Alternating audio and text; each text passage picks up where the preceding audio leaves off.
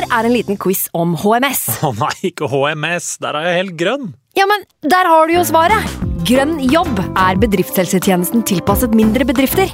Våre HMS-eksperter hjelper mer enn 8000 bedrifter over hele Norge med alt fra lovpålagte HMS-krav til pålegg fra Arbeidstilsynet.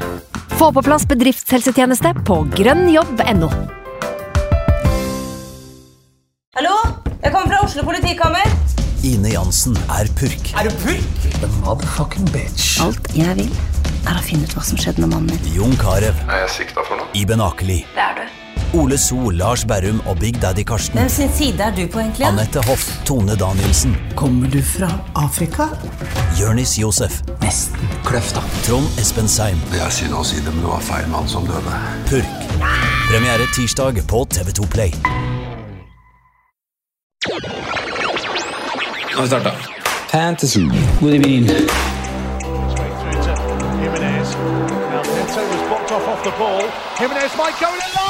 through to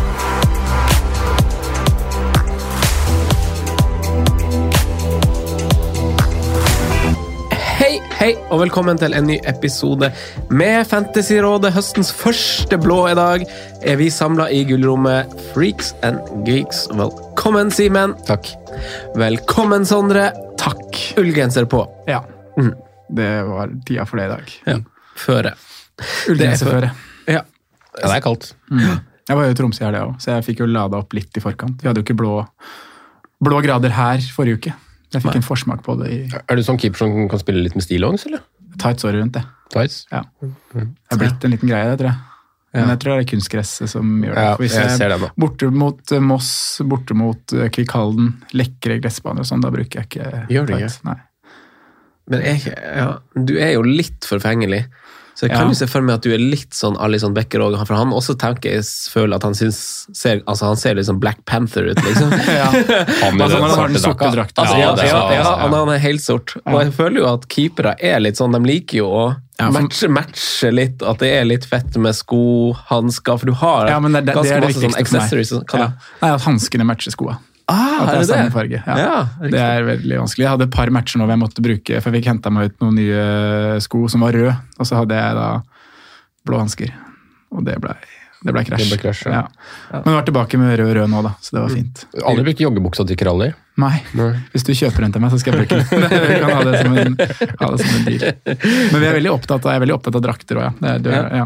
Dere Så- har heldigvis fine drakter i Bærum. Ja, og så har jeg en veldig flink eh, f- kar i klubben, Trond Nilsen, som, eh, som jobber med utstyr og kjøper inn. Og han er også veldig opptatt av keeperdrakter. Han syns det er kult. Så i år har jeg vært oppe i fire. Jeg tror jeg har brukt fire forskjellige så langt. Keeperdrakter. Hæ, hvorfor er det sånn? Nei, han bare liker det. Han vet at jeg liker det, så vi koser oss med det.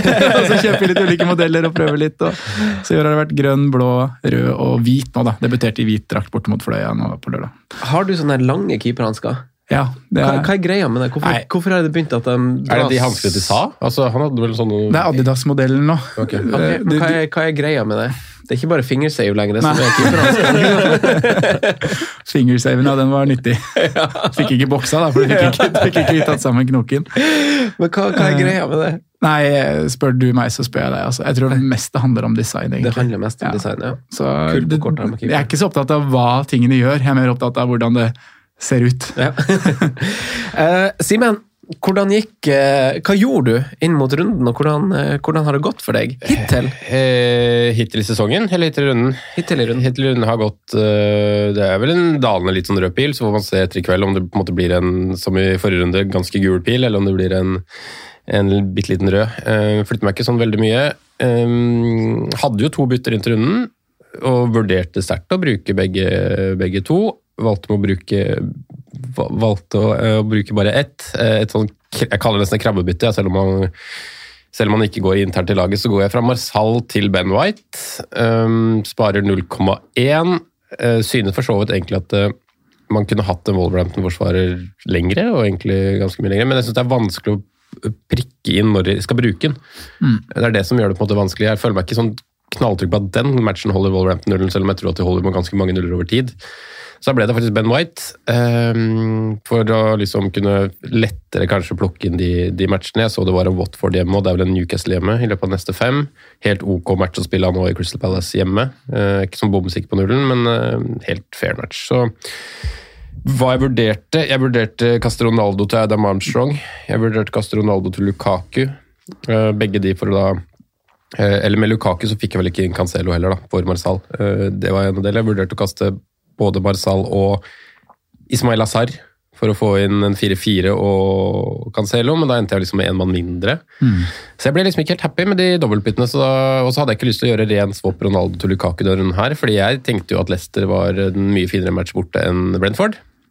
Uh, begge var vel kanskje dårlig, like dårlige for, for, de lagene der, så, så jeg tror jeg skal gjøre Ronaldo til Lukaku denne runden her, da, men da kunne jeg jo sånn i etterkant bare gjort det med en gang sparte bytte, for å se om Ben White kanskje klarer å, å gi meg noen poeng i fordel. Så jeg endte med 51 poeng. To mann igjen da i kveld. Um, helt tålig Syns det er helt greit, men det er jo tynt framover, da. Uh, Antonio, Jiminez, Ronaldo, DeMara. Gray. Det er bare Salah offensive som leverer. Ja. Uh, en litt sånn vanskelig runde på SAR. Hadde planlagt å bytte benke han, men jeg hadde jo egentlig i den langtidsplanlegginga tenkt å spille Rafinha her, da. Så det er det, det som kanskje gjør at det offensive ser tynt ut, da. Mm. Uh, og så er det jo litt sånn bittert da når jeg først starter runden med dobbel clean shit på, på Liverpool-gutta der, og så er det en runde hvor alle skal holde nullen.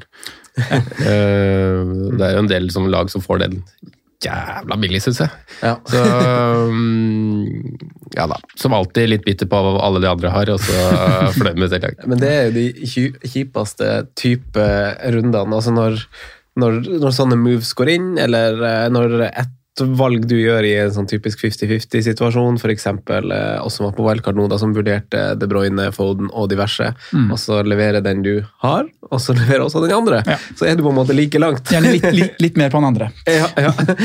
ja, litt mer på den andre i dette tilfellet. Eh, Sondre, da? Eh, nei, det er ganske likt som Simen her. altså 54 poeng totalt. og liten grønnpil her, da, faktisk. 88 plasser opp totalt. Så det, det er et solid bygst.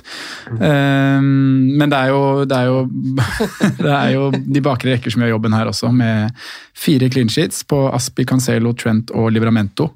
Um, Salah kaptein, Lukaku, Antonio og Jiminez blank. Så sitter jeg med tre spillere i kveld, faktisk. Så kan få kan få litt ekstra der fra Ramsdale, Saka og Gallagher, da, som jeg valgte å spille over Rafinha.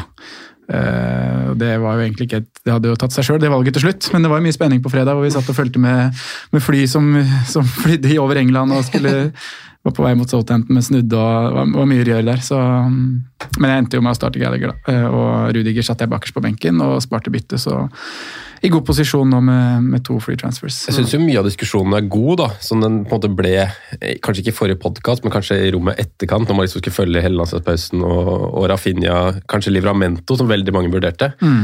Og at det var riktig å spille Livramento så lenge Rafinha var ja, ute. borte, fordi ja. da har Leeds nesten ingenting. Ja, I hvert fall når Bamford også er ute. så ja, er liksom, Det er de to det handler om. Så. Og Rafinha er så god om dagen nå da, at det er forskjell på topp ti og bunn ti-lag. Direkte, og kanskje enda grovere enn det også. Så. Han kom jo da inn for Rudiger for mitt lag, da. I og med at jeg visste Rudiger var ute, ja. satte jeg Livramento inn der, og så var den siste vurderinga Gallagher versus Rafinha. Men jeg tror så, det var veldig mange som sto i den. Spille uh, Livramento eller Rafinha. Ja, for jeg tror de fleste egentlig hadde tenkt å benke Livramento denne runden her, fordi mm. at de alle andre lagene hadde sånn såpass fine kamper. Man ville spilt Chelsea foran, mm. selv om vi var inne på at vi trodde Brentford kom til å skåre. Jeg tror man ville spilt Liverpool-forsvarerne foran, jeg tror man ville spilt City-forsvarerne foran. ikke sant? Mm. Så jeg tror det er ganske mange som endte med å spille Livramento, selv om de ikke hadde planlagt det. Her. Ja. Litt sånn deilig å få Jeg har ikke fått betalt for det enda, men det at Gallagher kommer mest sannsynlig til å starte i kveld, og da ser man jo verdien i det å ha tolv ganske gode spillere, spillere, i troppen sin. Eller 13 da, egentlig med, med Livramento. Så det har lønt seg nå i den fasen vi er i. Mm. Ref det vi prata om i forrige podkast mm, mm. og på, på Patreon denne uka som gikk. Mm. Eh, jeg, jo, jeg var jo på wildcard. Og det var jo veldig fram og tilbake med situasjonen som, som, var kjent for alle. Spesielt landslagspausen, eh, som, som Sonde, du har uttrykt er litt rart at det er merkelig hvordan den ikke er bedre synk med mm. seriespillet, At det ikke kommuniseres bedre hvordan flyten ikke funker. Ehm, jeg brukte hele budsjettet mitt eh, da Rydiger ble bekrefta ute. 3-4-3 eh, er jo også litt sexy, så jeg fikk en 3-4-3-variant.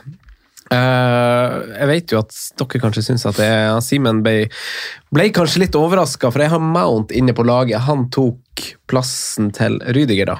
Eh, og liksom lang historie kort, så var egentlig bare uh, Det var bare Rydiger jeg hadde lyst til å ha fra, fra Chelsea-forsvaret, litt pga. pris og for at jeg har dobbel City. og det, det jo, ga meg litt mer flex. Uh, vi, det var Aspilicueta som var alternativet, og jeg ville, ville på en måte bare ikke ha han. Og, jeg, jeg, og litt fordi at jeg så også på altså Han var jo egentlig ikke i laget til Lampard, der spilte han jo ikke, men han var jo også litt inn og ut av laget til, eh, til uh, Tuchel. I en skadefri tropp, riktignok, på, på de syv siste rundene forrige gang. I forrige, forrige sesong så starta han på benk, eller han var på benken hele, hele kampen i to av de. Så det er en sånn overhengende risiko, føler jeg, med så vel som City-forsvarer, med Chelsea også. At liksom nå når det virkelig spisser seg til, de skal også liksom spille VM for klubblag, og de får kamper flytta, og dobbeltrunde og blanks og sånn, så føler jeg at plutselig spiller Reece James høyreback, og han er fire bak, og Aspi er på benken i en kamp. Så det jeg var... har jo Reece James, og jeg er ikke involvert i Chelsea. ikke sant? Nei, så Det kan virke som et litt sånn impulsivt valg, men vi er jo nerds alle mann. Ja. Så dere vet jo at, at et sånn valg i mitt hode er jo veloverveid, og risikoen på en måte bak det er jo, er jo tatt hensyn til. og og det gikk jo akkurat på 0,0, fordi ja, Antonio steig jo natt til lørdag. Som gjorde at jeg fikk råd til å ha Mount. Og den magiske 0-1 gikk opp. Da måtte Douglas Louise bli Brownhill, da. Men i 4-3-3-løsninga mi med Rydiger, så hadde jeg jo MBUMO i tillegg, da. Som ville ha vært min tolvtemann, Sondre. Mm. Eh, og som jo er en veldig, veldig, veldig god tolvtemann også. Eh, men jeg har Townie også. Eh, og nå blir jo min tolvtemann Ben White, da som jeg også syns er en god tolvtemann i det kampprogrammet Arsenal har. Absolutt. Eh, ellers så, så, er jo valget av Mount var jo litt på bakgrunn av at jeg trodde kanskje at Chelsea kunne slippe inn mot Brentford, og at jeg kanskje i denne runden heller ville ha to offensive fra Chelsea enn en defensiv og en offensiv. Mm. Bare for å satse litt, da. Uh, og når det kommer til City, det var der de jeg hadde jo, Dere vet jo at jeg har jo forkynna litt Gabriel Jesus og hatt litt lyst på han, men den ble jo lukka opp pep for meg, så det var egentlig veldig deilig å bare få det bekrefta. Uh, og da var det egentlig gjerninga. Ja, for en gangs skyld. Da, på, lang, på, lang, sikt. På lang sikt ja. Og da er det bare egentlig Foden som sitter igjen som aktuell for meg, av offensive. Eh, Grealish var ikke aktuell. KDB var heller aldri aktuell, og den skåringa hans var veldig irriterende, for jeg så jo City-kampen, og min gode venn Christian Grusom Arnesen, han også, han er et hestehode foran meg i Finnsnes miniligaen, og han eh, cappa han jo. Ja. Og vi hadde litt sånn dialog på, på SMS der. og jeg syns jo forrige kamp Kjører SMS-en, ja. ja, faktisk. En gammel mann. Eh, så da, da, ble jeg jo De, grønne, de grønne meldingene. ja, ikke skrudd på iMessage.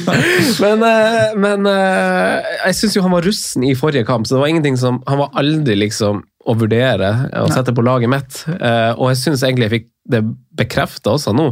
Da satt jeg egentlig og smilte litt da Christian har valgt, har valgt De Bruyne som kaptein, og han ligger foran meg. Liksom. Han, her, her, slås jo bare pasningen utover dørlinja. Hvem Christian er du dere?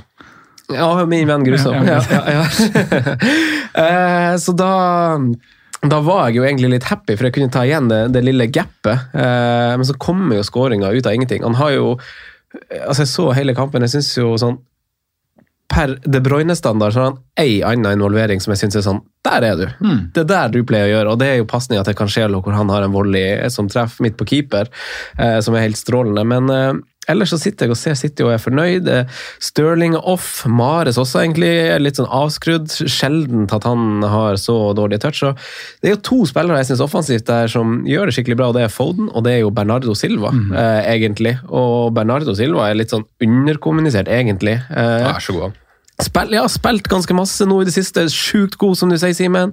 Soleklart flest touch i boks av samtlige i Premier League denne runden. Eh, tre avslutninger i boks har han denne runden for City, og Hylla Pep igjen. Hylla Pep igjen, ja. Og, og Foden han stakk seg liksom ut på en sånn der ikke expected goals-måte, om dere skjønner. Hadde, hadde, det vært noen andre lagkompiser enn Raheem Sterling, så hadde liksom den siste pasninga kanskje sittet og mm. gått litt bedre. Men så er det jo Sterling, da. Uh, så ja, det er kort oppsummert uh, mitt wildcard og mine tanker. Ellers er det ikke er det noe mer å nevne med det. Trippel Arsenal igjen. Ja, Uh, og det høres jo litt sånn naivt og sup- supportertenkt ut, men Ja. det er jo kun fordi det ikke skal spilles. Ben White er tolvtemann. Ja. Ramster og Saka skal vel spilles, men Ja, og, og, og White spilles i runder som det her. Ja. For nå benka jeg Tony, men Tony skal spille over Ben White. Mm. Så egentlig, Ramsdale syns jeg jo er fremst han spiller den beste keeperen til 4-5. Eh, var vurderinga mi. Og Saka er en god verdi med det kampprogrammet til 6-3 som jeg kjøpte han for. Så eh, White er bare som sagt en god reserve. Sondre, hva mer skal vi snakke om i dag? Eh, Folk har begynt å bruke sylteagurkbegrepet i kommentarfeltet, så det er veldig bra. Det har vært flagga Har spalten fått bein å gå på? Saltspalten har fått bein å gå på. Sylteagurken har fått Ja, bein. Så det er bare å fortsette med det. Eh, Da skal vi, da skal vi også møte ønskene. Men det har blitt flagga flere sylteagurker. Er Ronaldo sylteagurk, er Håta sylteagurk. Vi har landa på et helt lag, kanskje, som vi skal diskutere. Um, I etterkant av det så skal vi dykke litt inn i, eh, i topplagene. Chelsea, City, Liverpool. Det er mye som rører seg der. Eh, vi hopper i en synsundersøkelse før det, hvor vi skal eh, drøfte premium Ikke premium, men mediumsjiktet på midtbanen. Vi hopper, eh, vi hopper rett til Brentford Community Stadium, er ikke det det heter så flott? Eh, hvor både øyet som så og tallene fra kampen har eh, klare svar til oss. Brentford de fortjente mer enn det de fikk mot, mot Chelsea. Skutt, 17 skudd, syv av de gikk på mål. Chelsea hadde ett skudd på mål. I tillegg så er det to skudd i stolpen fra Mbeumo, som ikke er registrert da, i denne, i denne staten. Sindre Hangeland han har sett det samme som oss, og skriver at Mbumo har hatt seks avslutninger i stolpen så langt denne sesongen, og spør om dette er en mann man bare skal få på, uansett hva. Så jeg tenkte at vi kunne snakke litt om hvor god han var på lørdag, Simen, og også dra inn litt andre navn da, i prisklassen, som Gallagher, som Sindre nevner. Eh, Moi blir nevnt av Andreas Hagensen, så det er, det er flere 5-5-spillere som kikkes på. Men hvis vi starter på, på Mbumo sin eh, sesong så langt, kanskje, og konkludere litt om hva vi tenker der. Ja, jeg fikk bare sett første omgang eh, live på den, eh, på den matchen. der. Jeg bladde gjennom høydepunkter nå rett før vi gikk i, gikk i studio. Måtte prioritere litt i, i heimen, rett og slett. Eh, hadde, hadde fått med meg hele firerunden Liverpool-matchen og halve Brentford, så da måtte jeg si meg tålelig fornøyd. eh, men eh, jeg skjønte jo når jeg så highlightsen i etterkant, at i andre omgangen så var det jo virkelig, fikk jo virkelig Brentford litt fyr på, på saken. Jeg syns de var litt, ta- litt Altså, de lå litt bak i første gang, syns jeg. Selv om på en måte Chelsea ikke skapte noe, så var de liksom litt kjappere på, på midten. her, Men det virka som Brentford fikk voldsomt trykk på slutten. og Totalt sett så ble vel egentlig matchen akkurat som vi har pratet om i hele forrige uke. At Brentford har en sånn latterlig fysisk tilstedeværelse i motsatt boks. Det er liksom nesten litt sånn sprøtt å se på. Hvor, eh, og nå er det bare en veldig god Mendy og, og en, eh, som vi har blitt vant med denne sesongen, her, en solid buss fra, fra, fra Chelsea, eh, Ja. som hindrer, hindrer scoring. Men For den kommer litt uansett motstand, den. Kan- Vi har i hvert fall sett den i tre matcher nå. Ja. Og dette er vel første gang de har sett det mot et antatt klarere, svakere lag, i hvert fall. Um, jeg er jo uenig i at den bussen er solid, da. det blir sjåføren i er Mendy som er så liten. Ja, det er- jo- er liksom tredje seg en god keeper. Men de, har, de stopperne er gode til å klarere å få ting vekk og gå i dueller, de også. fordi man så jo Bare spol tilbake når det var Brentford Liverpool. da. Altså, De bak deg tapte duellene hver gang, som Chelsea omtrent, eller vant veldig mange av nå. da. Chelsea sto bedre i det enn hva Liverpool gjorde.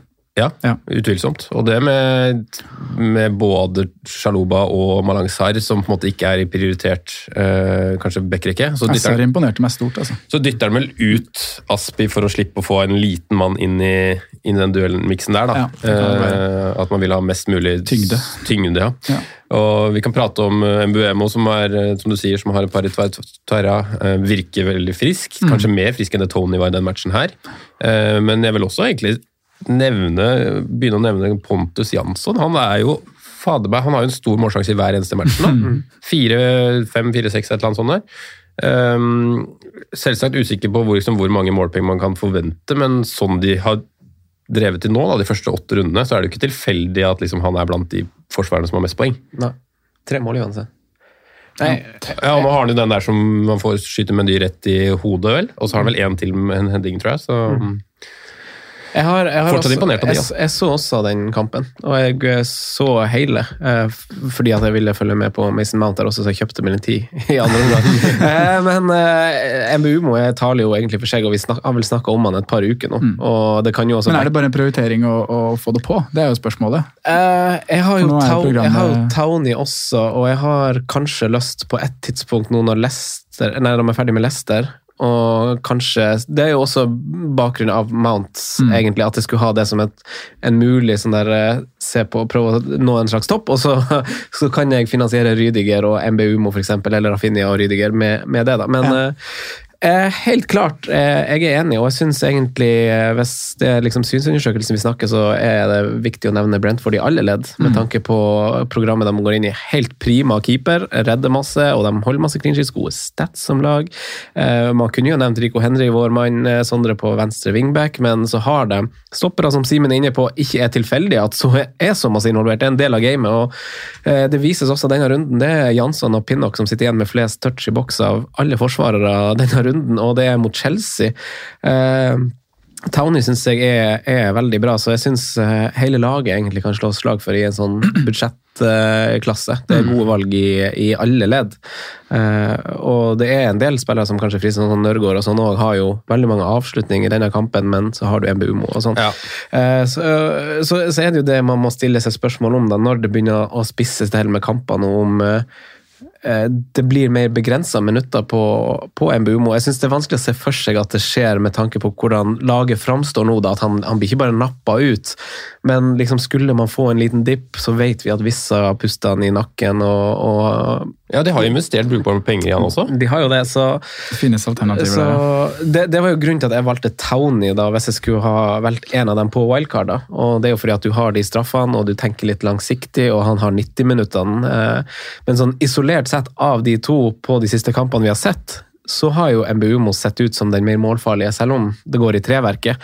Eh, Townie har jo en veldig god også denne kampen, og, og setter jo opp sine lagkamerater bra, så jeg tror liksom på det jevne at han kommer til å levere jevnt. Eh, men alle, i, alle ledd i Brentford er fin. Jeg også tror jeg hadde valgt Tony foran MBUMO og hvis jeg på en måte hadde hatt wildcard nå. Ja. Og, og det er, tror jeg, jeg tror Franco sier det ganske kort og greit, at det er de straffene, i tillegg til at liksom, han har en historikk da, for å være en større måltyv enn det MBM har vært. Nå er vel også MBM litt, litt yngre, da, kanskje ikke har så mye øh, hatt Ja. så mye muligheter til å på en måte, vise fram det. da. Han har skåret bra masse mål, altså. MBM, Jeg tror han er tosifra i eh, tre sesonger på rad i championship. altså. Ja.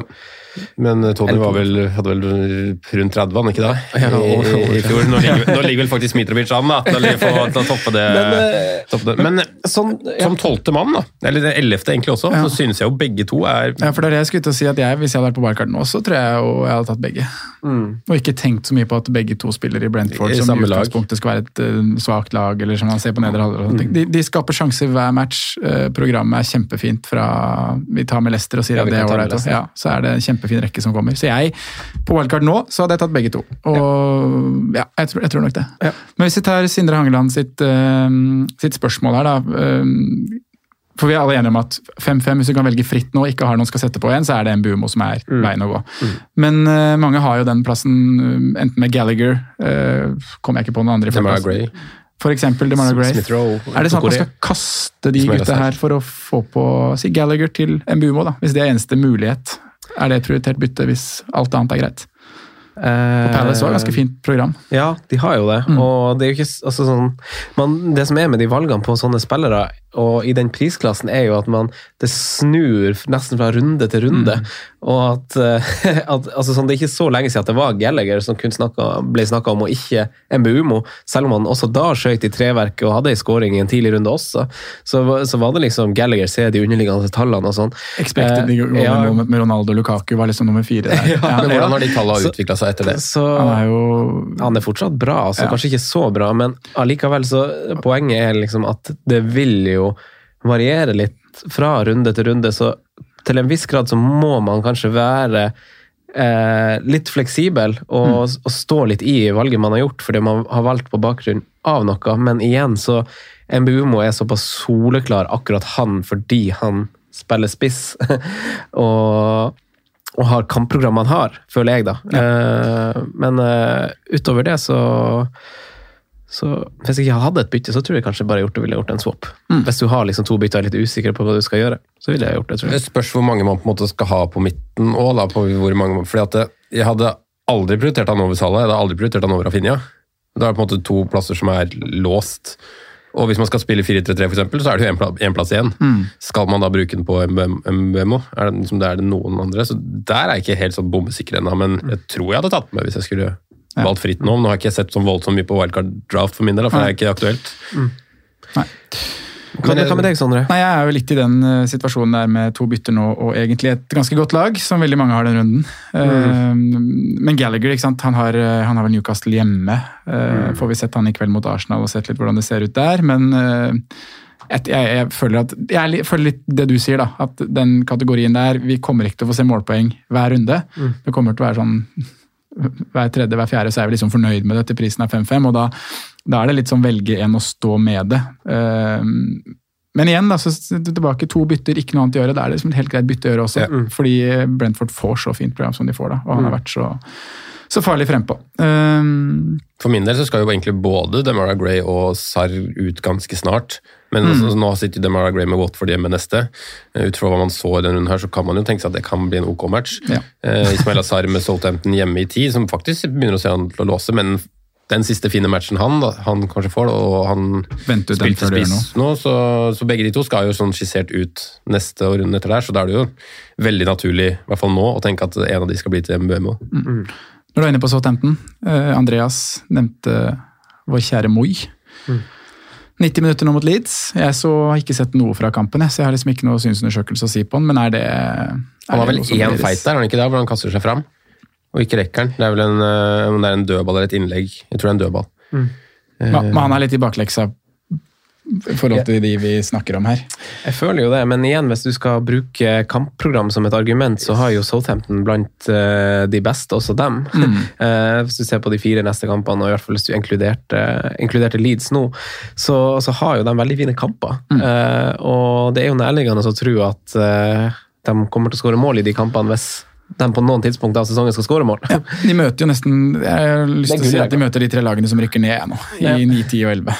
Nei, 9, 10 og 12. Beklager. Skal ikke ha Villa ned. Så ille er det ikke. ned, Så, så ille er det ikke. Ja, det var det tabelltipset vårt da, Simen. Vi må vel kanskje Kanskje snu litt på Southampton, eller?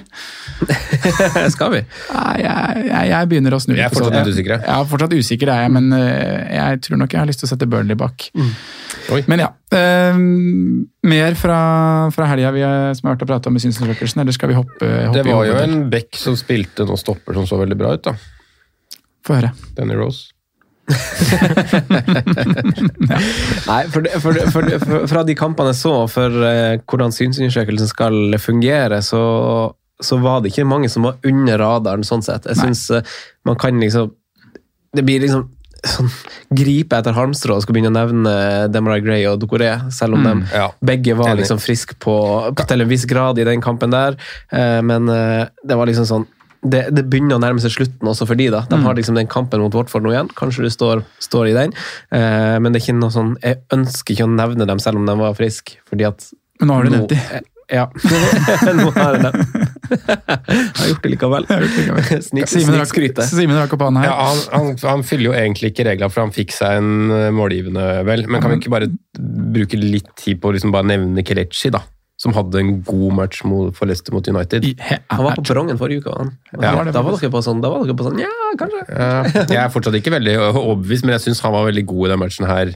eh, og hadde fint link-up med, med Jamie Vardy. Og, okay, Det kommer til en tid på sesongen hvor man ikke finner spillere som, som på en måte involverte fansmessig, som ikke involverte seg sjøl. Ja, Så da må vi, Vi begynner å komme ganger- dit nå. Ja, Da må man noen ganger nevne de som faktisk fikk litt Og de vi return nevner også. gang på gang som aldri får målpoeng, de er kanskje ikke verdt å nevne lenger heller.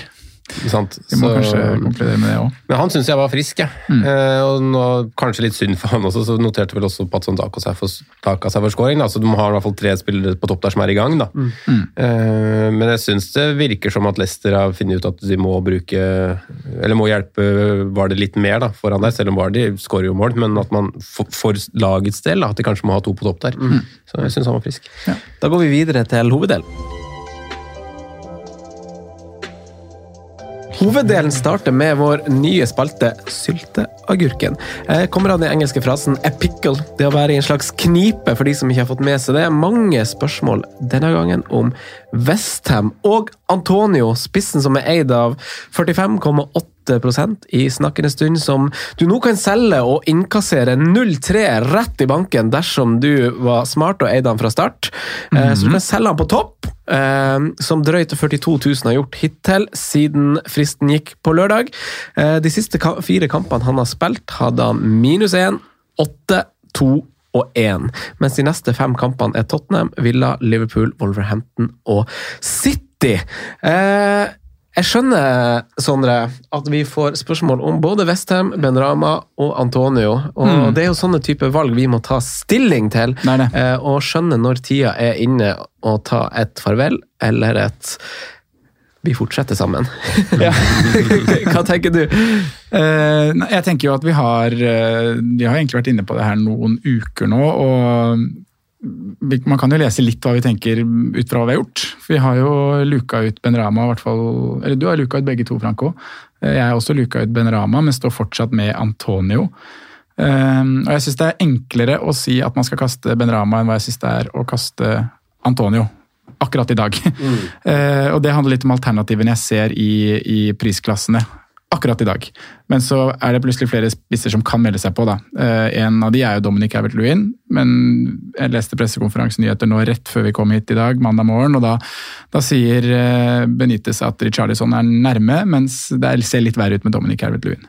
Um, man har jo Tony selvfølgelig som et klart alternativ til, som man kan gå fra Antonio til Tony. Det er et fint bytte å gjøre, men sitter man med begge to, så vet jeg ikke om jeg ville sagt at det er så fint å gå Antonio til Jimenez.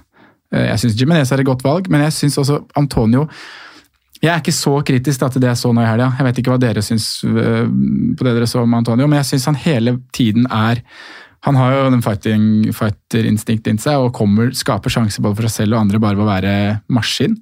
Eh, og egentlig hver match jeg ser han, så føler jeg at han er i posisjon til å skåre mål. Da. Så er det liksom eh, blokkering i går som Han kunne fint fått med en scoring på slutten. Og da er det i en fase hvor, hvor eh, Everton kjører litt fram og det blir kontringsrom, selvfølgelig. Men eh, jeg er ikke sånn super der at Antonio er en spiss som må selges når Tottenham er neste kamp, et lag som slapp inn to skåringer mot Newcastle i går. Så um, Antonio er litt sånn ja, greit, selg til Tony, selg til Jimenez hvis du føler det er riktig, men igjen, jeg syns også det er helt greit å stå.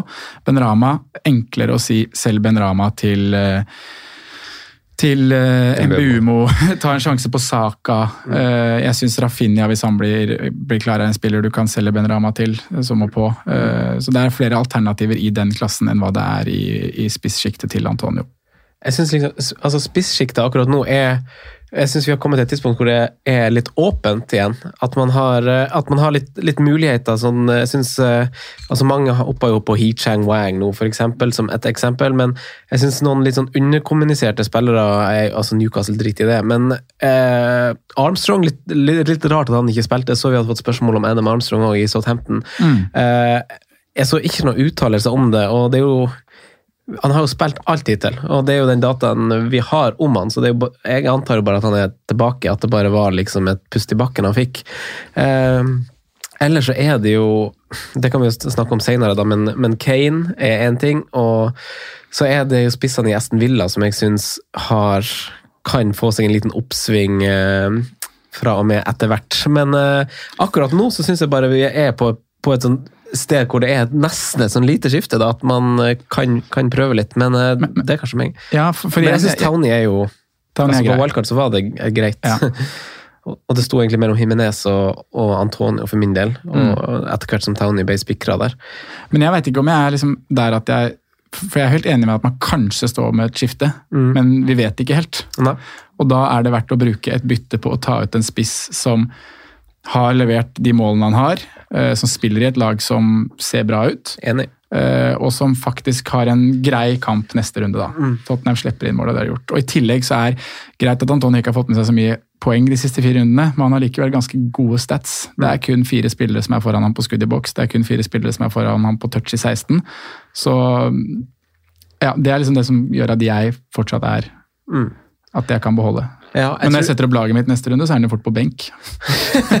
Ja, men det er en, det er en sånn type runde. Det, det er jo Sånn som er litt weird. faktisk eh, Kanskje ikke etter at man så på en måte at Villa kollapset nå i, i går, eh, men, eh, nei, i forgårs. Mm. Men det er jo faktisk den fineste matchen han har på neste fem.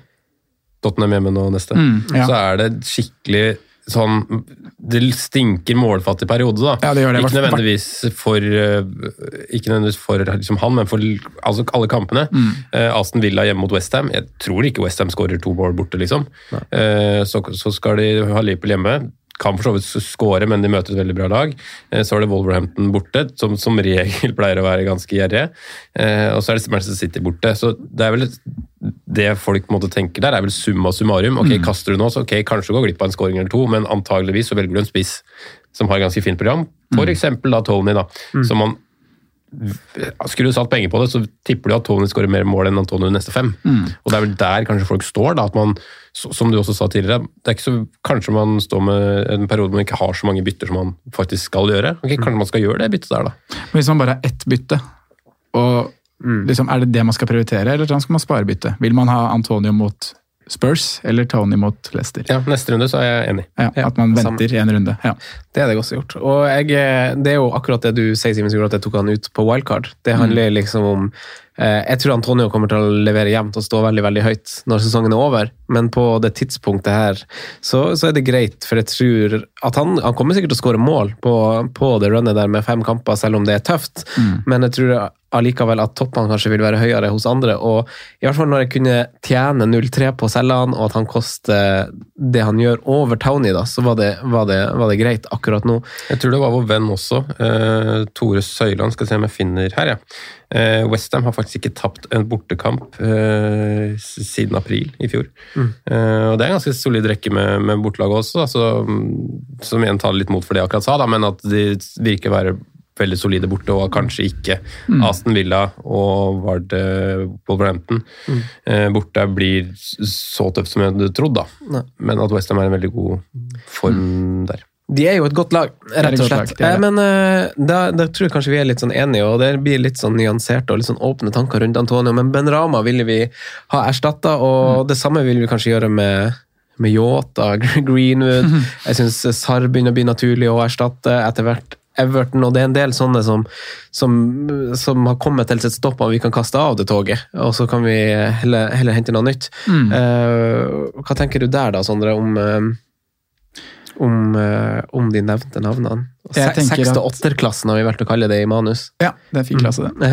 Eh, hvis vi tar det på rekkefølge som du nevner her, da.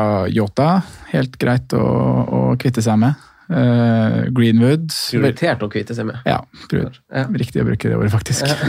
Eh, Greenwood, samme. Prioritert å kvitte seg med. Selv om han fikk en scoring nå, så For en scoring, ja. Fantastisk. Det var deilig og fortjent, de som har sittet der lenge. Vi hoppa jo av nå, men eh, dere som fortsatt har holdt, har fortjent den. Eh, men der er programmet så tøft og lages så ymse. Så greit å bytte til bedre alternativer som er billigere også. Eh, Everton er litt sånn så som så på, egentlig, fordi programmet der er ganske greit de neste tre rundene. Watford, Wolverhampton, Tottenham. Um, og så har vi jo to spillere vi venter på skal komme inn igjen i laget, i Richarlison og Calvert Lewin, som, som styrker posisjonen til Gray og, og Docoré.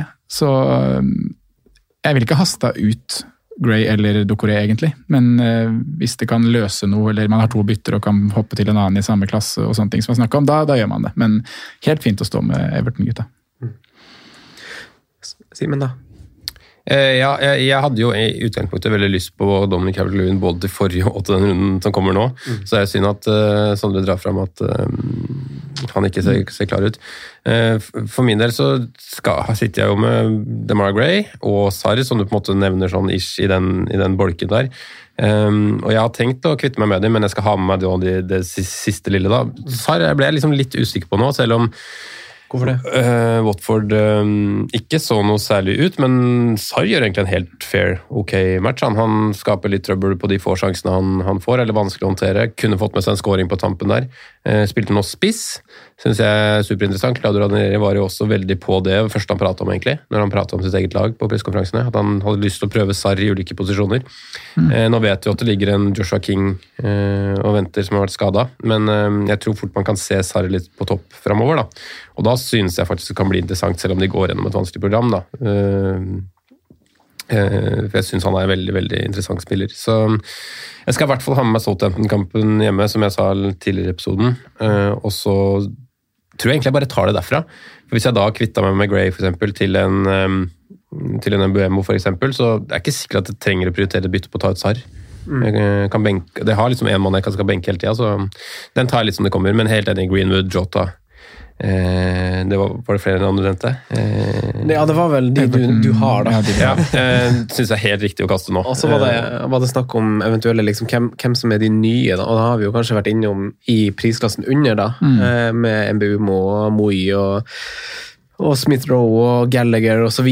Men, eh, men hvis man skal se ett hakk opp, da, Sondre, på, på midtbanespillere, hva altså, da, er, da er vi plutselig liksom i Mount Rafinha-saka. Liksom mellom Helt opp til sånn, eller? Ja, egentlig mellom 6- og 8-klassen, da. Eh, sånn er jo et slags valgkart. Du må gjerne inkludere han hvis du har en veldig Nei da, fin måte å gjøre det på. Lurt på hvilken bolk du skulle ta. Eh, Jeg setter taket på, på åtte, liksom. Jack Grealish. ja, ish. Hva Ja. tenker du? Eh, Det er jo Mount Foden eh, som har vært mye snakka om nå for alle som var på wildcard forrige runde. Mm. Eh, og jeg jeg var jo Vi hadde jo en innspilling på torsdag Franco, hvor vi, hvor vi snakka litt om Mason Mount, og jeg var jo veldig egentlig backa deg litt på å sette inn han. Ja. Tenkte at Det er jo en spiller som ja, vi, vi, Ordrett så sa jeg vel at Mount er fort vekk spilleren vi sitter etter, etter Gameweek 11 og tenker at ja, det var jo han vi skulle hatt fra Chelsea i den perioden vi kommer inn i nå. Det er Norwich, det er Newcastle, det er Burnley. Eh, Vi tenkte i hvert fall at det skulle være, det skal skåres mål, så får vi se. Eh, Vi har nesten snudd litt når man så, når man så mm, måten Chelsea gikk ut på nå mot Brentford, men eh, at de kommer til å skåre mye mål, det, det tror jeg jo fortsatt. og da da har eh, Tuchel uttrykt viktigheten av Mason Mount både tidligere, man har også gjort det nå i etterkant av kampen i helgen, hvor han sa at eh, han trengte å hvile etter landslagskamper. og Samme gjaldt eh, Jorginho, og de, de er inne i laget igjen. Eh, og da vet vi at han har en offensiv rolle i, i systemet som spilles der. Så, så jeg er fortsatt uh, tommel opp til en Mason Mount-punt. Jeg er det. Jeg må si det, altså. Det er godt å høre. Ja. Ehm, Foden, det gjelder litt det samme, men skal ikke glemme hvor viktig Champions League-kamper City har nå. Nei. Og man kanskje, Der er det jo liksom litt flere å spille på da, i det offensive City enn det offensive Chelsea. Litt færre skader og sånne ting. Så jeg hadde jo ikke blitt Jeg er sikrere på spilletid for Mace Mount enn jeg er for Phil Foden. For si Det, sånn. det er gøy, det her eh, City-greiene. Altså, Hvis man velger å se på det på en sånn glasset halvt fullt måte, at, det, at vi har Pep Guardiola så, altså sånn, det beste tipset jeg kan gi på, på liksom City, det er, det er bare å ikke tolke. Du må, du må bare velge, fordi at det er ikke sånn at han spiller annenhver kamp. Det er ikke sånn at han spiller tre, og så blir han benka. Og at han er benka i tre, betyr ikke at han starter Det det, fjerde. det er ikke noe system, Nei. så man må bare drite i, og det er det verste Det er det siste jeg setter meg inn i på Twitter. Folk, folk som spekulerer i og ser en viss logikk, for det er ikke det. Men jeg synes det er et viktig aspekt da, når man Men det er artig å ha en del av det i Fantasy Premier League, syns jeg. At, at du har en sånn joker å forholde deg til. Jeg synes Det er et viktig aspekt å ta med seg når man drar inn disse spillerne her, da, og kanskje ikke velge for mange eh, av de usikre der. da. Og så er det sånn som dere sier, det er, ikke, det er ikke så mange som er sikre heller, for man tenker jo kanskje i hvert fall for runden her, at Ruben Diaz er i hvert fall den som er trygg, da, men det er jo ikke han heller, på en måte. Nei. Men jeg synes jo det er et viktig aspekt ikke ha for mange av de, da. Altså, jeg, jeg skal si at jeg tror jeg hadde valgt eh, Cancelo for for runde uansett, eh, hvis jeg hadde fått, fått en fin vei til han. Men det var jo et aspekt at det, jeg er jammen ikke sikker på om han starter heller. Og jeg ser jo for meg at han skal, skal benke eh, en av de neste. Kan hende at det blir Champions League, at vi er heldige sånn fantasy-messig for, for det, men det kan fort være at det er han som står over neste, og Zinchenko plutselig borte. inn mot Brighton. Ja. Eh, eller, Burnley, eller hvem var det de hadde etter runde etter? Burnley, ja? Nei, ikke Burnley, det var Chelsea som hadde de. Eh, City ja, I runde ti så har de eh, Crystal Palace. hjemme. Crystal Palace hjemme. Eh, Kan fort være den også, så ja, velg litt med omhu hvor mange av de, de, de man vil ha. da. Jeg synes jo Jeg vil ikke både så, så det var det jeg liksom Der har du vært litt tøff, da. Ja, Franco, det var det jeg mente når jeg, når jeg så wildcardet Franco. Ja. Jeg syns egentlig det er én eller to for mange av de, av de usikre Mm. der. da. Sånn, sånn totalt sett. Men så har du, som du også sier, da, du har en Ben White og har en Livramento som kan, Mm. steppe inn. og det er vel akkurat dette tidspunktet her Livramento kanskje kommer til å vise sin fulle verdi. da, Mm. fordi at han har liksom et fint program og ja, kommer, til, kommer til å se den i alle lag, selv om uh, det er ikke så mange som starter den. Ja, det er sant det. Men uh, du dro jo fram en til, uh, og det var Rafinha. Ja. Og han nå er jo Jeg sitter jo med han og Skal han hele sesongen? ja. altså, Simen har jo sånn overdreven kjærlighet for ham. Ja. Men det, det er Liverpool-linken som gjør det. Hadde han, hadde han eh, vært, hatt engelsk pass, så hadde han kosta langt, langt over Jack Det sa du forrige uke også. Langt, nei, mye bedre. det hadde han ikke. Nei, Han er mye bedre. han er mye bedre enn Jack Nå, jeg, altså, sånn jeg, Noen ganger, Simen, så blir jeg sånn Jeg blir liksom tatt på senga av tingene du noen gang melder. At Når jeg sitter og forbereder podkast og tenker sånn Hva kommer han Simen til å melde i dagens episode? Nå skal jeg prøve et slags motangrep og en eller annen motargument for det han kommer til å si da. Men så vet jeg aldri hva, hva du kommer til å si. Jeg synes han er Så mye bedre enn Jack Grealish. er ikke mye bedre, men han er eh, Jeg tror han er, jeg tror han er topp i ti spiller i Premier League. Rafinha. Rafinha er god. Det er han. Ja. Men det er jo ganske mange andre gode der òg. Det er ganske mange gode. Ja. Ja, Topp ti i Premier League. Det skal, Skal, vi gå inn- skal vi gå gjennom lista nå og lage en liste på topp ti i Premier League? Sala, Skal vi bruke Mané, tid på det? Van Dijk, De Bruyne Ganske mange i City. Jack Grealish. Bernardo. Ganske mange i United. Bernardo ja, han er ikke topp ti. Rodry. N'Golo Kanté. Så, så, Jeg er usikker nå om han er topp ti. N'Golo Kanté er jo ha topp ti? Ja. ja, men det er Sammenligningen av de to er kanskje litt feil, men men, men gode spillere, ja, uavhengig av posisjonen, så er jo Kanté over Rafinha. ja han er jo det. Firmino, eller? Foran? Nei, ikke nå. Men han var veldig bra i helga. Ja. Men han er ikke der oppe. Nei da, men eh, det, Rafinha er jo en nøtt på fantasy akkurat nå, da, fordi laget han spiller på er så møkk dårlig. Ja. Men det er jo, mye av grunnen er jo for at han og Bamford er ute. ja. Så Og jeg- Philips. Og Philips. Så jeg spår jo litt lysere? Var det ikke det? Han Phillips har spilt nesten det var, det, altså, det var, husker, husker dere, Jeg snakka litt ned Leeds som lag, Phillips spilte vel ikke noe? Nei, det gjør han ikke. Nei. men han har, han har spilt alt det andre. Ja. Bortsett fra første kampen. Ja. Og Bamford har egentlig også spilt ganske masse, bortsett fra de tre siste. Og de dårlige tallene til Leeds er egentlig hele sesongen. Det er ikke Mm. bare, det er ikke bare liksom i fraværet til, til Nei, men, men det, blir, det blir for mye suppe i det Leeds-laget nå. Altså, du har Cooper, du har Shackleton, du har eh, Daniel James, du har Roberts, uh, Stroik. Det Ja. der er jo et championship-lag. Ja, ja, Det, det, det, det er det som er greia. Det er liksom laget Leeds som, som jo åpenbart hadde en veldig god første sesong. Jeg håper de holder seg, og de kommer nok til å gjøre det med god margin, men det er ikke så sykt bra som, som det det var i fjor, da. På ingen måte. Nei.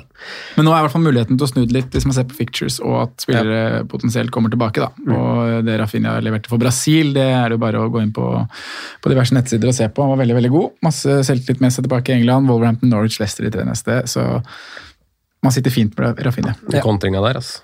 Enig. enig. World class. Man, man liker jo å se at spillerne skårer for landslaget òg, du vet jo. Feelingen! Feelingen. Feelingen av å skåre mål. Ja. Eh, andre midtbanespillere i, eh, i prissjiktet midt på, Simen. Altså, vi har jo vi har jo saker og sånn også som, eh, som eh, er blitt litt pop pga. kampprogram. Eh, folk velger litt nye folk nå. Det er kanskje, kanskje i større grad på midten heller enn på topp, jeg burde ha sagt. At man ser et kanskje et naturlig sted for å være litt åpen og fleksibel. Jeg var jo, altså Ja, du har Saka, du har Saha. Mm, det var på midtbane. Jeg, eh, liksom, det var bare Sala som var i alle draftene på midtbanen, på en måte, på, på wildcard. Det var plutselig kunne skiftet alle fire, for at det var så mange gode velg, å, valg å, å velge blant. Så er det, men er det rom for å prøve litt, da, Simen? Altså, eh, altså, hvis du, du er litt sånn på at Rafinha er fasit, men sånn, er det rom for å, for å utforske litt utover det? Det er det jo. Eh, og jeg er veldig usikker på hvem jeg hadde valgt som den, uh, som den tredje mannen der. Men da ville jeg nok naturligvis uh, sett på hvordan man skulle spilt. da. Om man skulle spilt 3-4-3, 4-3-3. eh, hvor man prioriterer å bruke andre pengene. Skal man ha premiumspiss eller ikke? eh, og alt det der, da. Så um, jeg må si at hvis jeg ikke satt opp et wildcard nå, så er jeg tror jeg skulle mye til om ikke jeg hadde hatt med Sadio Mané på den, eh, den midtbanen der, for eksempel, da. Og da snakker vi jo Skal du ha han inn, så får du ikke plass til Ronaldo eller Lukaku. Men um, Men du sa det før vi gikk i studio, Simen. jeg sa det Med- forrige jeg- Ja, men argumentet for Lukaku er jo de tre Ja, kampene nå. Det sa du. ja. Sa, det, det, det, det skal mye til at jeg ikke bytter inn han når det står Norwich hjemme neste, selv om Norwich har sluppet inn to mål på de tre siste. Så jeg, at jeg ser for meg at Chelsea tar den. Skulle tro det. Jeg sa at Norwich ikke kom til å holde 1-0 i år, jeg, etter de har spilt mot Everton i runde 6. To etter det så har de rappen to på rappen, og Mathias Nordmann har sett som en million. ja, det gjør han faktisk mer enn en million. Ja. De burde jo vinne nå òg. Åh, det, ja, det er Eller nå skjedde, så ikke jeg matchen, da, Nei, jeg har de, de, har en på blank der som kan bli scoring. Kan skåres på lav XG, da. Var det det? Ja, det er vel det, for det er jo Vinkelen er vel ganske 20 meter. Men eh, Nei, det er tida for å prøve litt. Det er jo det. På midtbanen. Jeg syns det. Men, men Mané, at du drar opp han av hatten her, er jo riktig, det. Og det drar jo oss over i en premiumprat og kanskje snakke litt om topplaga. Ja, for vi kan jo gjøre det, da, for å dreie det den veien. fordi vanskeligheter i livet ligger jo i valget, og noen er enkel. Eh, sånn som Ben Foster, som sjøl cappa Sala i denne runden, selv om du spiller mot han. Eh, og dilemmaet er jo ikke der på Sala. Eh, s- er jo hvem av de andre man velger ved siden av? Skal man ha noen andre? Skal man bare cappe Sala? Eh, vi, vi tenkte vi kunne snakke litt overordna om lagene. Eh, si at vi gir Manchester United og Solskjær en liten hvil nå på bakgrunn av kampprogrammet, og vi vender blikket mot Chelsea, Liverpool og City, kanskje først og fremst. Eh, Simen, jeg vet jo at du du er jo egentlig litt å rasle med sablene når, når Chelsea, Chelsea er tema, og har vært litt kritisk til det du har sett. Nei, jeg, ikke, jeg er ikke så veldig kritisk. Det er et veldig bra fotballag, men jeg synes jo det er veldig kjedelig å se på de da. Og, nå har ikke jeg sett det i hver runde, men de gangene jeg har sett dem, så har jeg egentlig bare sett en buss. Mm. Uh, med unntak av siste 30 mot Southampton, hvor de faktisk kaster seg fram. Um, så, men, men så var det en eller annen som dro fram en vanvittig rekke her på Twitter under uh, spisstallene under, under Tyskjel. Og det var 0-0-0-0-0. Altså, nå har de jo egentlig ikke hatt De hadde jo kanskje ikke sånn utprega spiss. Ja, for det var det jeg tenkte litt på når jeg så den rekka. Og, og Werner har spilt spiss. Ja. Ja, uh, så, Men Kai Havertz hadde noen mål når han spilte spilt den spiss. men man er, man er jo skuffa over det man har sett uh, totalt sett av Lukaku til nå. Sånn skåringsmessig tall. Uh, var veldig frisk i starten. Var det, var det Arsenal som var debuten hans? Var det det? Ja. Ja. Eh, da var det en, en goal, og så er det liksom blitt litt sånn veldig rolig etter det. Han hadde vel et brace også en gang der, han? Villa hjemme i runde fire. Og, men det man i hvert fall ser da, i, i Chelsea, føler jeg, er jo at målpoengene blir litt spredd, og at man er veldig prøver å være veldig komfortable etter man på en måte har tatt ledelsen. Man trenger liksom ikke å smelle alt kutt for nummer to og tre, som kanskje Liverpool City har en større tendens til å gjøre. da. Man er så fornøyd med én og to, og så legger man seg bakpå kuleren og sparer krefter og, og stoler på de bak der. Og det er jo fair, det med den rekka de har bak der. så... Jeg er, Med unntak av de tre kampene som kommer nå, da, så er jeg veldig skeptisk til Chelsea offensivt generelt. Eh, men jeg skulle veldig gjerne hatt en venstrebekk der. Eh, og ikke en høyrebekk. Eh, så jeg vil jo involvere Men, meg. men, men altså, selv om du har valgt Reece James nå, Simen, og han var benka Altså, Før jul kommer, så kommer Chilwell også til å bli benka. Det kan jeg love Ja deg. jeg tror det, ja. Så, så det, det er ikke noe sånn Da starter fort Reece Jeg husker Det var akkurat samme i fjor, på samme tidspunkt. Da husker jeg jeg valgte Reece James over Chilwell, og så drev Chilwell og leverte litt. Så plutselig var det Reece James, og snudde det. Så, så det er jo sånn De kommer jo til Da var det jo for så vidt ikke Tuchel som var der, men, uh, Men, jeg satte jo inn uh, Reece James da, for runde fem, seks. Eh, og har fått med meg to poeng og 29 minutter på de fire gamingsene der. Så mm, Syns det er mye å betale to poeng. ja, jeg syns det. Jeg, jeg, jeg, jeg tok med meg notatene fra Eller bare utdypa notatene mine fra wildcard-tankegangen min om Chelsea. For det ble liksom laget man måtte titte litt på, syns jeg. Eller ett av de. Og så, de, altså, de åpenbare er jo at det er jo kun Liverpool som har skåret flere mål enn Chelsea denne sesongen. Eh, og, og Chelsea har jo i fire av åtte kamper så har de jo skåret tre mål. Og, og det får man, altså sånn, så det er jo ikke bare bussparkering som foregår, men man stiller jo litt spørsmålstegn til spissen da, hvem som gjør det, for man legger på en måte ikke merke til at det skjer. Eh, Det er kun fem lag som har kommet til flere boks, og det er så klart City og Liverpool, og så er det viktig å se på de andre lagene er United, Westham og Everton, og det husker dere jo sikkert veldig godt, er tre lag vi tok sikte på før runde én, fordi at de møtte ikke noen topplag på de første åtte kampene, bortsett fra United. Eh, møtte Westham og Everton. Så, så det er en grunn til at de er der oppe, og de kan vi jo bare forvente å se at dale, eh, de offensive gode tallene der. Eh, Chelsea er også midt på tabellen på mottatte skudd i boks, og store sjanser mot. Egentlig ganske svakt. Og så kan du si ja, de har møtt City, de har møtt Arsenal, de har møtt Tottenham, de har møtt Liverpool, men de knuste Arsenal. Eh, Ja, der var de gode. Var de ja, gode. knuste Tottenham 3-0. Eh, og så er det kampene mot Pelles Villa, delvis Southampton, og nå mot Brentford, som er en slags bekreftelse på at om de forsøker å parkere bussen, så fungerer det egentlig ganske dårlig. For da jeg så over på de her kampene, så er det egentlig Mendy de kan takke for at nullen har blitt holdt. Eh, Spesielt mot Aston Villa, og kanskje nå, da. Eh, han står med fjerde flest redninger i Premier League denne sesongen, og han sto ikke kampen borte mot Tottenham, og Chelsea har en expected goals conceded på 10,48. De har kun sluppet inn tre. Til sammenligning så har City 4,78 og sluppet inn tre. Og hvis du ser på kampprogram, kampprogram så har egentlig City hatt masse tøff, ikke masse tøffere, de har møtt de samme topplagene som, eh, som Chelsea har. Ett mer på bortebane, og så har liksom de middelhavsfarerne som City har møtt, har vært litt tøffere. Så Basert på hva vi tenkte før sesongen, eller basert på. Hvordan det er? Ja, basert på hvordan du tenker. Hvis du går og ser på kampprogrammet ja. som Chelsea og City har spilt, så tror jeg også før sesongen vil si at City har det litt tøffere enn Chelsea. Så det essensielle spørsmålet å spørre da, når man tar Chelsea, er om man tror det kommer til å fortsette. Ja, og det Vi tror jo gjerne sikkert at tallene kommer til å bedre seg med kampene de går i. Altså, det tar jo først og fremst City sin sak at hvor sykt gode de er over hele linja. Ja, det gjør det. og det var det som på en måte var to strek under to defensive fra City og ikke Chelsea på det tidspunktet hvor jeg tok et wildcard. Eh, men, eh, men allikevel så kan vi vel forvente å se et bedre Chelsea, men jeg syns jo kontra forrige sesong så var jo Chelsea i toppen på de samme statistikkene og hadde gode overliggende tall, men nå har de bare gode overliggende tall, men så har de hatt en god keeper som har redda en del, og de har sluppet til litt mer enn hva de gjorde, spesielt på våren i fjor, hvor de var ekstremt bra defensivt. Eh, så jeg tror jo at, at de kommende tre kampene kommer jo til å se en oppsving på underliggende tall for, for Chelsea, både offensivt og defensivt, egentlig. For jeg er egentlig enig med deg, Simen, at noen ganger så er Chelsea ganske kjedelig å se på, altså. Og jeg skjønner ikke helt, eh, helt uh, greia, for de er jo Og jeg tror også vi kommer til å se at de skal kontrollere heller enn å liksom male, da. Sånn som City og Liverpool kanskje gjør i større grad. Mm. Konklusjonen Jeg- din? Hva er liksom fasit på, på spillere og valg? ja, jeg har, altså min konklusjon var jo at jeg vil ha jeg vil ha Lukaku, og så vil jeg ha en defensive veit spiller fra Chelsea. Og så, på, og så valgte jeg jo Mount nå fordi Rydiger var skada og jeg egentlig ikke stoler på noen andre. og tilbake til det Simen sier, at jeg vil ikke ha en tropp med for mange rotasjonsutsatte. så Derfor valgte jeg ikke en av backene i Chelsea, f.eks.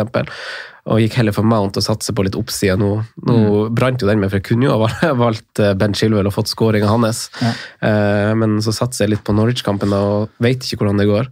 Men, men når du prater om de tallene her, hvor du prater, prater, fremhever veldig City og, og, og Chelsea, naturlig nok også, men, men Liverpool har riktignok sluppet inn dobbelt så mye mål som, som Chelsea, men de har bare sluppet inn mål i tre matcher. Mm. Og det er liksom, det er Chelsea og City de har sluppet mål, og så er det én kamp mot, mot Brentford. Eh, totalt dominerende. Bekkene kommer til mer og mer nå. Robertson er en centimeter unna en assist, og der har du jo valg du, altså du vet jo forsvarsrekka ni av ti ganger der, da. Ja, det er det som er så deilig. Mye sikrere enn uh, både City og Chelsea, ja. Ja, så jeg føler jo Man kanskje glemmer de litt. da. Nå har det jo vært litt sånn uheldigheter der Trent har vært ute med en skade, Robertson har vært ute med en skade. Uh, De har rotert bitte litt på den venstre bekken og bytta stopper vel én match, to matcher. Eh, Så jeg synes jo på en måte den Så er jo, Som forutsigbart, altså er jo Liverpool et mye mer forutsigbart lag da, Ja, enn en de andre her nå. derfor koster Robertsen én million mer òg, da. Et veldig deilig Enn fantasy-lag. enn bekkene vi snakker om i Chelsea. Det er jo prisdifferansen. Men Robertsen er jo også den eneste bekken da, når man ser på disse her som nesten garanterer deg ti på målpoeng på en sesong. Cancelo gjør det ikke. Vi hadde Luke Ja, Shaw for sesongen, gjør det ikke. Eh, ben Chilwell gjør det nok hvis han spiller fast, tror jeg. Nærheten der. Eh, egentlig det samme om Reece James. Jeg føler de hadde gjort det hvis de liksom spilt uke, uke inn uke ut, så tror jeg de hadde vært der. Eh, Kyle Walker gjør det ikke, åpenbart. Uh, hvilke andre backere har vi igjen da? Jeg har kanskje nett alle. Trent gjør det åpenbart. Ja, det, det, det er kanskje de du nevner, syns jeg. Du kan jo nevne Shaw også, men eh, jeg skal Ja, ikke det Ja, gjorde det. Sorry. Ja, så han gjør det ikke, ja. ja. Eh, Uh, men som, som verdens beste sesong med seks målpoeng. men uh, uh, skal, hva tenker dere om Chelsea, da? For jeg, altså, vi har fått spørsmål om Lukaku, og jeg synes jo, for folk har jo sittet på han lenge. Jeg har jo akkurat sittet på, så jeg har på en måte ikke fått smakt på de bitre blank backrekka hans, men mange har jo fått gjort det. Kommer neste runde, gutter. Og da, får, og da får man jo spørsmålet om eh, tror, om man skal kaste han og liksom For at tålmodigheten renner ut. da. Ja, Altså, men du, du, kan, du kan ikke kaste han og Norwich, Newcastle, Burnley. Nei, kan ikke det. Det er enkelt. Det er bare enkelt, enkelt fantasy-spilling å bare holde han i hva tenker dere utover det? Vi vet jo ingenting om Rydiger-skaden ennå. Det var ikke noe sånn det var, altså, Man antok at han Man håpa at han skulle være klar til den kampen, her, så man tror jo ikke det så lenge, men vi har allikevel ikke fått en sånn bekreftelse på at han er tilbake neste gang. Har Vi det? det. Nei. Eh, og jeg er jo den eneste som eier her, vel. Du er heller ikke Rudiger, Simen? Nei. Eh, og lot den jo stå nå og spare bytte, og skulle gjerne hatt litt klarere, klarere beskjeder fra Tyskjel på hvor lenge det var. Men uh, jeg må jo ærlig innrømme at jeg fristes av å gjøre Rudiger til Chilwell foran Ja. de tre neste rundene. Ja. Uh, og spesielt hvis Alonso spiller Malmö-kampen nå i, i Champions League på onsdag, er det vel. Mm. Så er det et bytte jeg ser på, altså. Eh, og jeg, men jeg, jeg henger meg jo på deg at å gjøre Rudiger til Robertsen er jo det langsiktige og kanskje det sikreste å gjøre. Men jeg klarer ikke å hente de pengene det er snakk om der, for å, for å stable Robertsen til sju ved siden av Trent, Cancelo og Aspi. da. Det som betrygga meg litt med Robertsen, er at han ble tatt av nå. Sånn, altså Med en gang liksom, de hadde mulighet nå, hadde gått 60, så tar de ut begge bekka. Og så skal de antageligvis starte mot Atletico Madrid, og så får de sjansen der, og så kan de hvile de i cupen. Preston, som er runden etter der. Ja, og så spiller de Fordi den, en, ikke- starter mot Atletico Madrid og spiller mot uh, United. United. Ja, for ikke F om man rullerer på Old Trafford. Spiller han Neil Meller fortsatt i Preston? Det er mulig. Og han Kevin Davis. Og- Neil Meller, er Neil Meller jo og Kevin Davis på topp. i BT, vel? Neil Meller Ja, blir. BT Sport nå, tror jeg.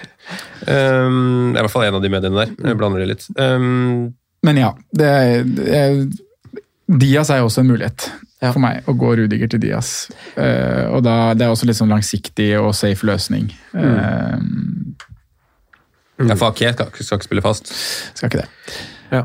Men jeg må si at Chilwell er veldig fristende for å bare prøve seg på det de neste tre-fire rundene. og så Prøve på de man- toppene, ja. kan man, Jeg òg vil til Chilwell, selv om jeg også har Reece James. Ja.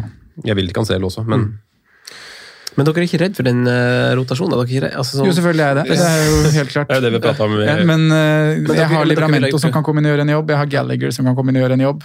Da tar jeg det de rundene det ja, skjer. ikke sant? Du har en tropp som er tilrettelagt for at det kan funke. Ja, og så er det også liksom, igjen da, Du sa det fint i stad, man skal ikke begynne å se liksom, systematikk, i hvert fall ikke når det gjelder Pep, men du kan kanskje si det samme med Chelsea. Men hvis Alonso spiller mot Malmö, så føler jeg meg ganske sikker på at Chilwell spiller mot Norwich. Mm. Ja, det gjør egentlig òg. Jeg, tror- jeg tror han er litt annerledes. Det er det som er deilig nå. Nå venter vi med bytter nå for å få liksom de Champions League-lineupene tirsdag og onsdag. Så sitter vi der, så er vi egentlig ikke klokere. Vi bare Det er ingenting. det er Ja, hva betyr det? Hva var det å si? Eh, utover det, da, så, så har vi jo eh, Altså, Ronaldo er jo greit å ta ut. Det er på en måte eh, Ja. eh, Ok kast. Ja, Ok kast. Ok kast. Eh, og Chelsea er, har vi kanskje vært igjennom nå. Eh, jeg har litt lyst til å snakke om, om kanskje Liverpool og City òg, og kanskje her, Simen, kan du få rom for å legge inn Son og ikke minst Harry Kane, da, som eh, blir veldig deilig kanskje å sette inn i Game Week 12 for Lukaku, som en straight swap. Det er jo skrevet i stjernen, det er ingenting som står tydeligere enn det. Eh, og Vardi, kanskje, eh, bør kanskje få, få sitt navn eh, nevnt høyt. Litt hyppigere enn det han gjør. Vi nevner, jo Det- det vi nevner jo at vi ikke snakker om den hver uke. Ja, men, Hva er det vi ikke Det er den eneste måten han blir nevnt på. han, han blir liksom årets Cresswell, som vi aldri kommer oss på. Ja, nei, vi bare glemmer det. Vi bare lar det. Årets Cresswell, ja. ja, det, Jamie. Jamie Cresswell. Jamie Cresswell. ja, ja. Nei, men, eh, men skal, vi, skal, vi starte, skal vi starte med City eller Liverpool? Simen, du kan velge. Nei, Vi har jo prata om, om, om begge. Vi kan jo nevne litt en Jeg dro fram til dere før podkast. Fra en litt sånn morsom eh, statistikk fra, fra Statsbom, hvor man liksom går over For man prater jo mye om XG, XG conceded, og det er jo på en måte en ganske dårlig, dårlig Ikke nødvendigvis dårlig, men kan være et veldig svakt uh, verktøy for liksom enkle matcher. da. Men over Om du kun bruker det. i hvert fall. ja, men når du liksom får det over tid, når du får såpass mye tall på det, så, så ligger det noe i det. Eh, og hvis man ser liksom expected goals uh, nesten per match fordelt over hele Klopp-æraen, da, så har man liksom ligget nå liksom opp og ned på rundt to skårede mål eh, egentlig hele veien, og så vært opp og ned. og liksom, Selvsagt, man husker jo den perioden hvor det liksom var heavy metal og det var prat om det og Champions League run og alt det der, så, så var det veldig høyt. Men de har aldri vært høyere enn det er nå. eh, over tid. Piker dem? Det piker offensivt, og det ser man jo også på hvor mange mål de har, har skåra. Er det 22 nå? Mm, Neste er vel Chelsea City og et eller annet til lag På på 16. 16, ja. Um, og det er nok av sjanser til å skåre enda flere også. Altså, se på den Watford-kampen igjen, de kan skåre 8 og 9. Men kan, kan, jeg, kan jeg stille deg et spørsmål? Altså, Vi har jo Mané, eh, som jo for mange blir for dyr med tanke på Lukaku akkurat nå. Ja. Eh, Sala er skrevet i stein, det samme er Trent. Men sånn som vi har pleid å se på, på Robertson, så har man jo på en måte Sånn som vi har snakka opp igjennom med, liksom over flere sesonger, så har det føltes som å velge en angrepsspiller i Liverpool som også får defensive poeng. Føler du at det er, er sånn nå også, og føler du, eller føler du eventuelt at van Dijk er kanskje like bra med tanke på at du får den spilletida, og du får kanskje ei dødballskåring som bokstavelig talt henger i lufta, egentlig. Van Dijk var vel nære å matche Robertson i den der vanvittige sesongen, hvis man går tilbake dit, hvor de nulla nesten hele tida og hadde 22 clean shit, eller hva det var til slutt, og fikk seg en tre-fire skåring på, på dødball. Men jeg synes jo fortsatt at van Dijk skårer for lite mål på dødball, til tross for hvor han er i lufta. Eh, og det har vel litt med at han blir den første som blir markert ut, uh, og at de prøver litt varianter og, og sånn, men jeg synes jo egentlig han skårer for lite mål på offensiv dødball. Uh, og så er jo det argumentet også det med at Simikaz faktisk er et reelt alternativ, da, som Ja. han ikke har, vi ikke har hatt før.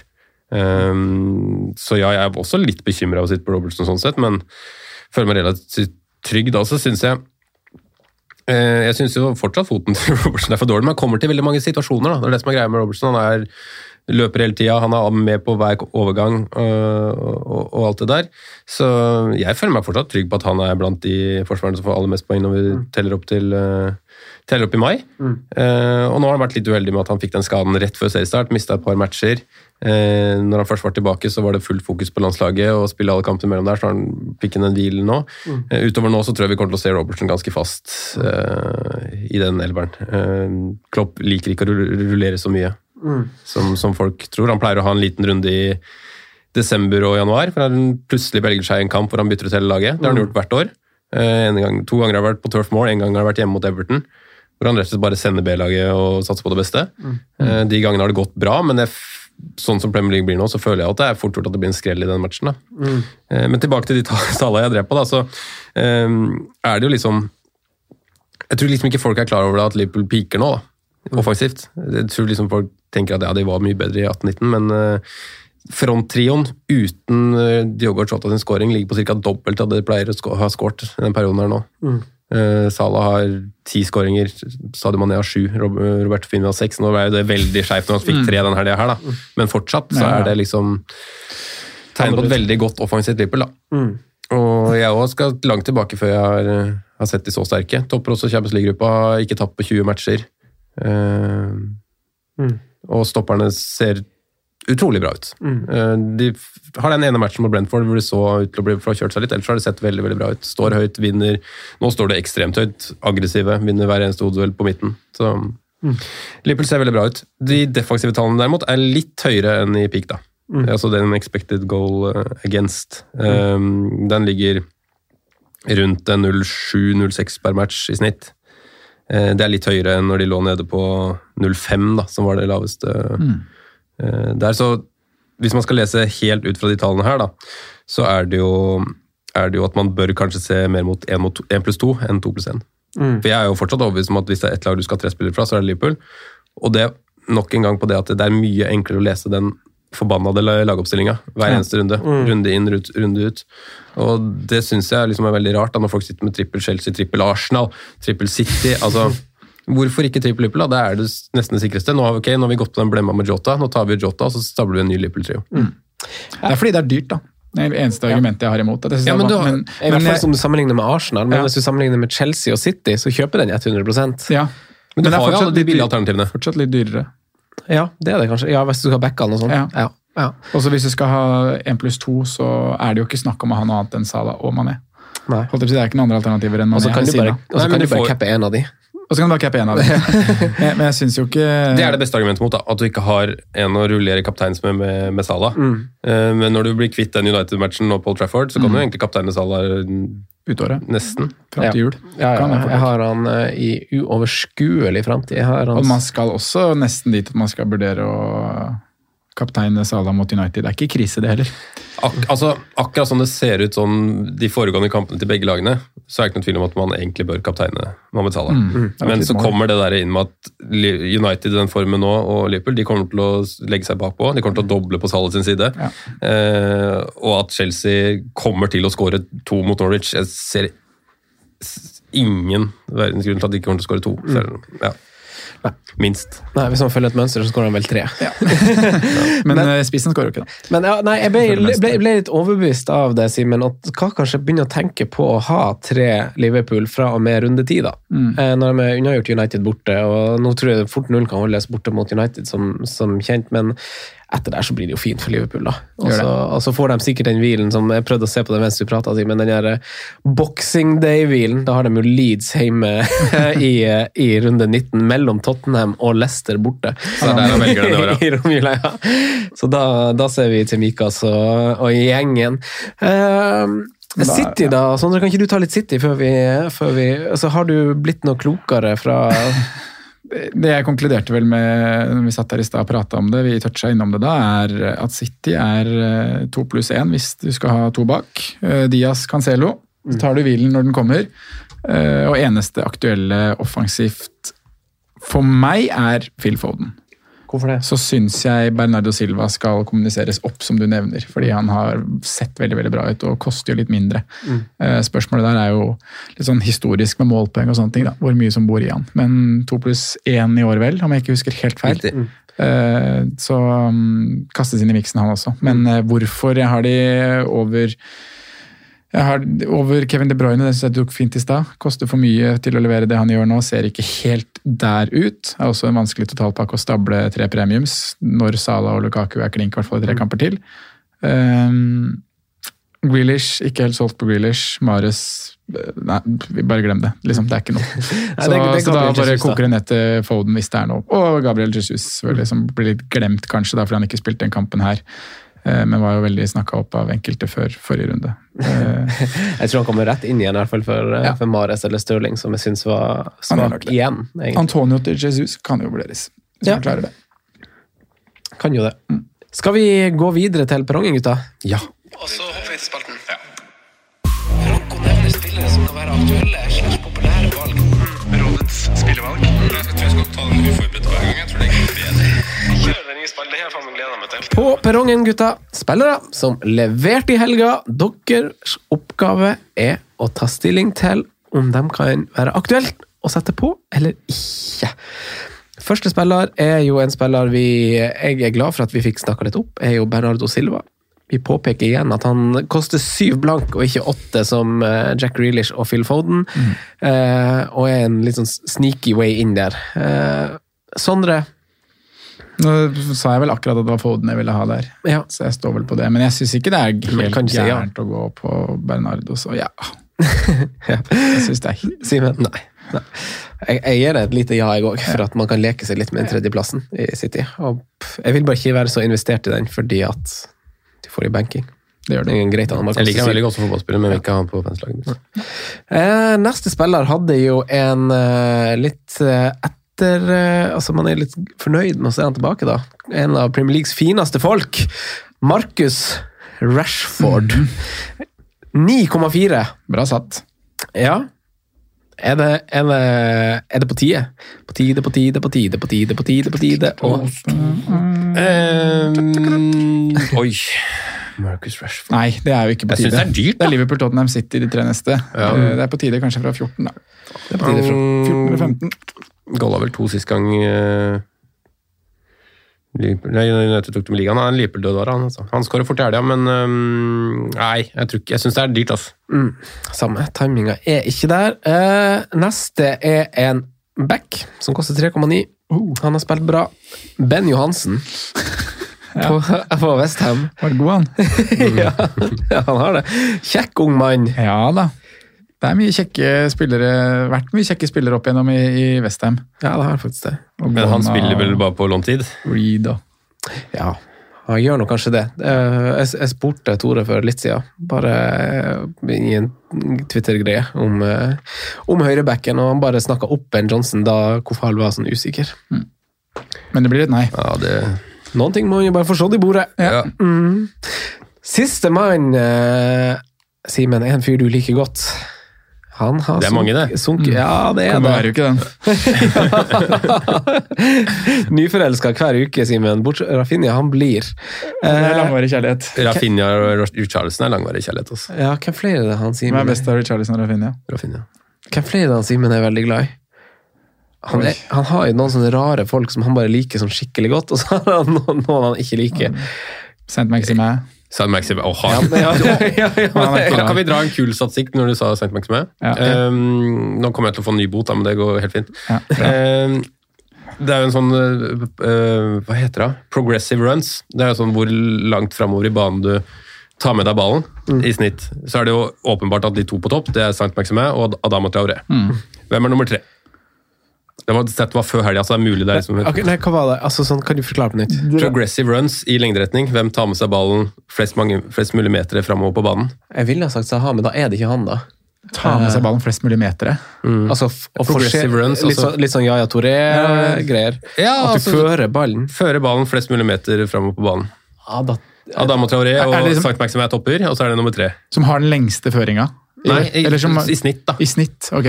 i snitt. og Føre ballen mest mulig frem i banen. Uh, oh, skal vi fram til en stopper? Ja. Ja. Ruben Diaz eller Vi skal fram til gode, deilige Joel Matip. Matip. den er jo Faen, jeg burde ha ta den da du sa sånn. Nå får jeg ny bot. Ja. Ja, den er faktisk ganske åpenbar. Han kjører jo de her raidene. Ja, men han er jo en rå fyr. Jeg ville vært på fest med Matip. Jeg tror det hadde vært gøy. Det er artig, tror jeg. Men lista til Simen er jo typ sånn ja, Vi har Rafinha, vi har Charlison. Vi har Todd Cantwell. Ja, Vi har Ismail Azar. det er Wilfred Saha. Vi har Det er min type spillere. Den har han faktisk. Det er din type. Han Hvordan- kommer snart, Hva, hva har de her til felles? Når du sier det er min type, så må vi ha et eller annet felles. Det, det, det er kule å se på. Syns han Cantwell er så kul Ja. å se på. Jeg syns han var skikkelig god når Norwich var oppe. Buendia. Bundia liker jeg. Indrefileten der. Det var Silva, det. Hvem var som ja, var Silva? Indrefilet. Jeg syns jeg egentlig traff ganske bra på den. da. Når man ser det, Ja, ja, ja. det er fire, fire år siden, tenker jeg. Tre år siden jeg meldte. Ja. Altså, altså så har Hadde jo riktignok Lama, Mbappé og Fabinho samme Ayose dag, men Perez. Peres. Vi skulle ha lagd en sånn Simen sin favorittelver. Det, det hadde vært en eh, artig elver å prøve seg på. Ja, det skal jeg faktisk Eh, Men sette opp. siste spiller på lista var faktisk, da. eh, var jo faktisk Danny Ingstad. Ja, han passer ikke helt inn med resten av gjengen her. 7,8. Vi, snak, vi snakka opp Watkins litt i forrige runde, for at han hadde gode tall sammenligna med, med Danny Ings, faktisk. Eh, Hva sa Simen da? da sa du at du var litt overraska, og at eh, Danny Ings kanskje var mer klinisk, eller et eller annet sånt. Ja, det- I den gata. Stemmer bra. Eh, Danny Ings eh, nå mot Arsenal borte, det trenger ikke være riktig Oi, det er fredagsfrist! Arsenal-kamp på fredag! Mandag og fredag for ei uke! Nei, det visste jeg ikke. Dægen, det blir kos på fredag. Det er slutt med torsdagskamper nå, vet du. Takk Gud for det. Du er vant til å se det. På torsdag. Ja, helt slutta å se på Champions League. Nå, nå også Europaligaen. Ja. så at det var utsatt Arsenal-kamp på fredag, så tenkte jeg at det var utsatt eh, Europaliga-match.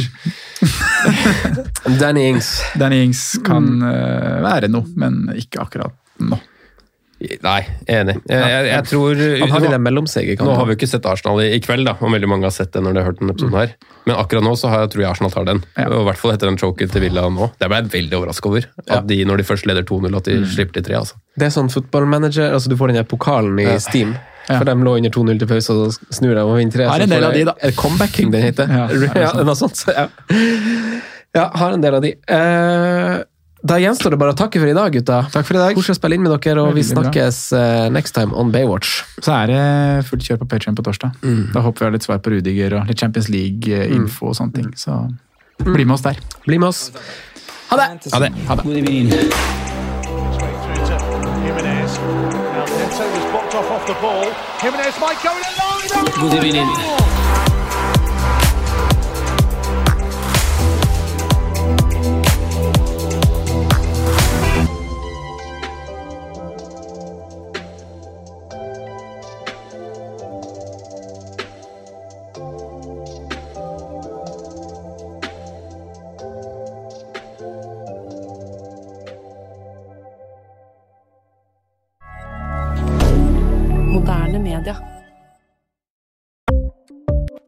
Ukens annonsør er Folio, en smartere banktjeneste for deg som har en egen bedrift eller ønsker å starte for deg selv.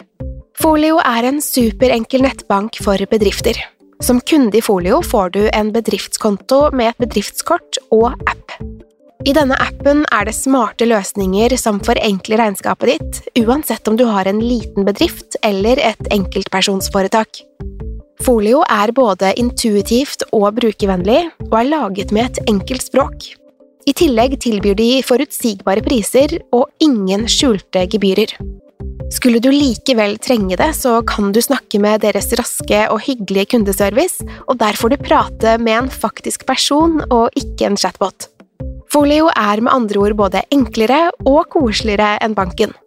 Over 10 000 bedrifter har allerede valgt Folio som sin banktjeneste, så besøk folio.no og se hvordan Folio kan forenkle din hverdag også. Har du et enkeltpersonforetak eller en liten bedrift? Da er du sikkert lei av å høre meg snakke om hvor enkelt er med kvitteringer og bilag i fiken, så vi gir oss her, vi. Fordi vi liker enkelt. Fiken superenkelt regnskap.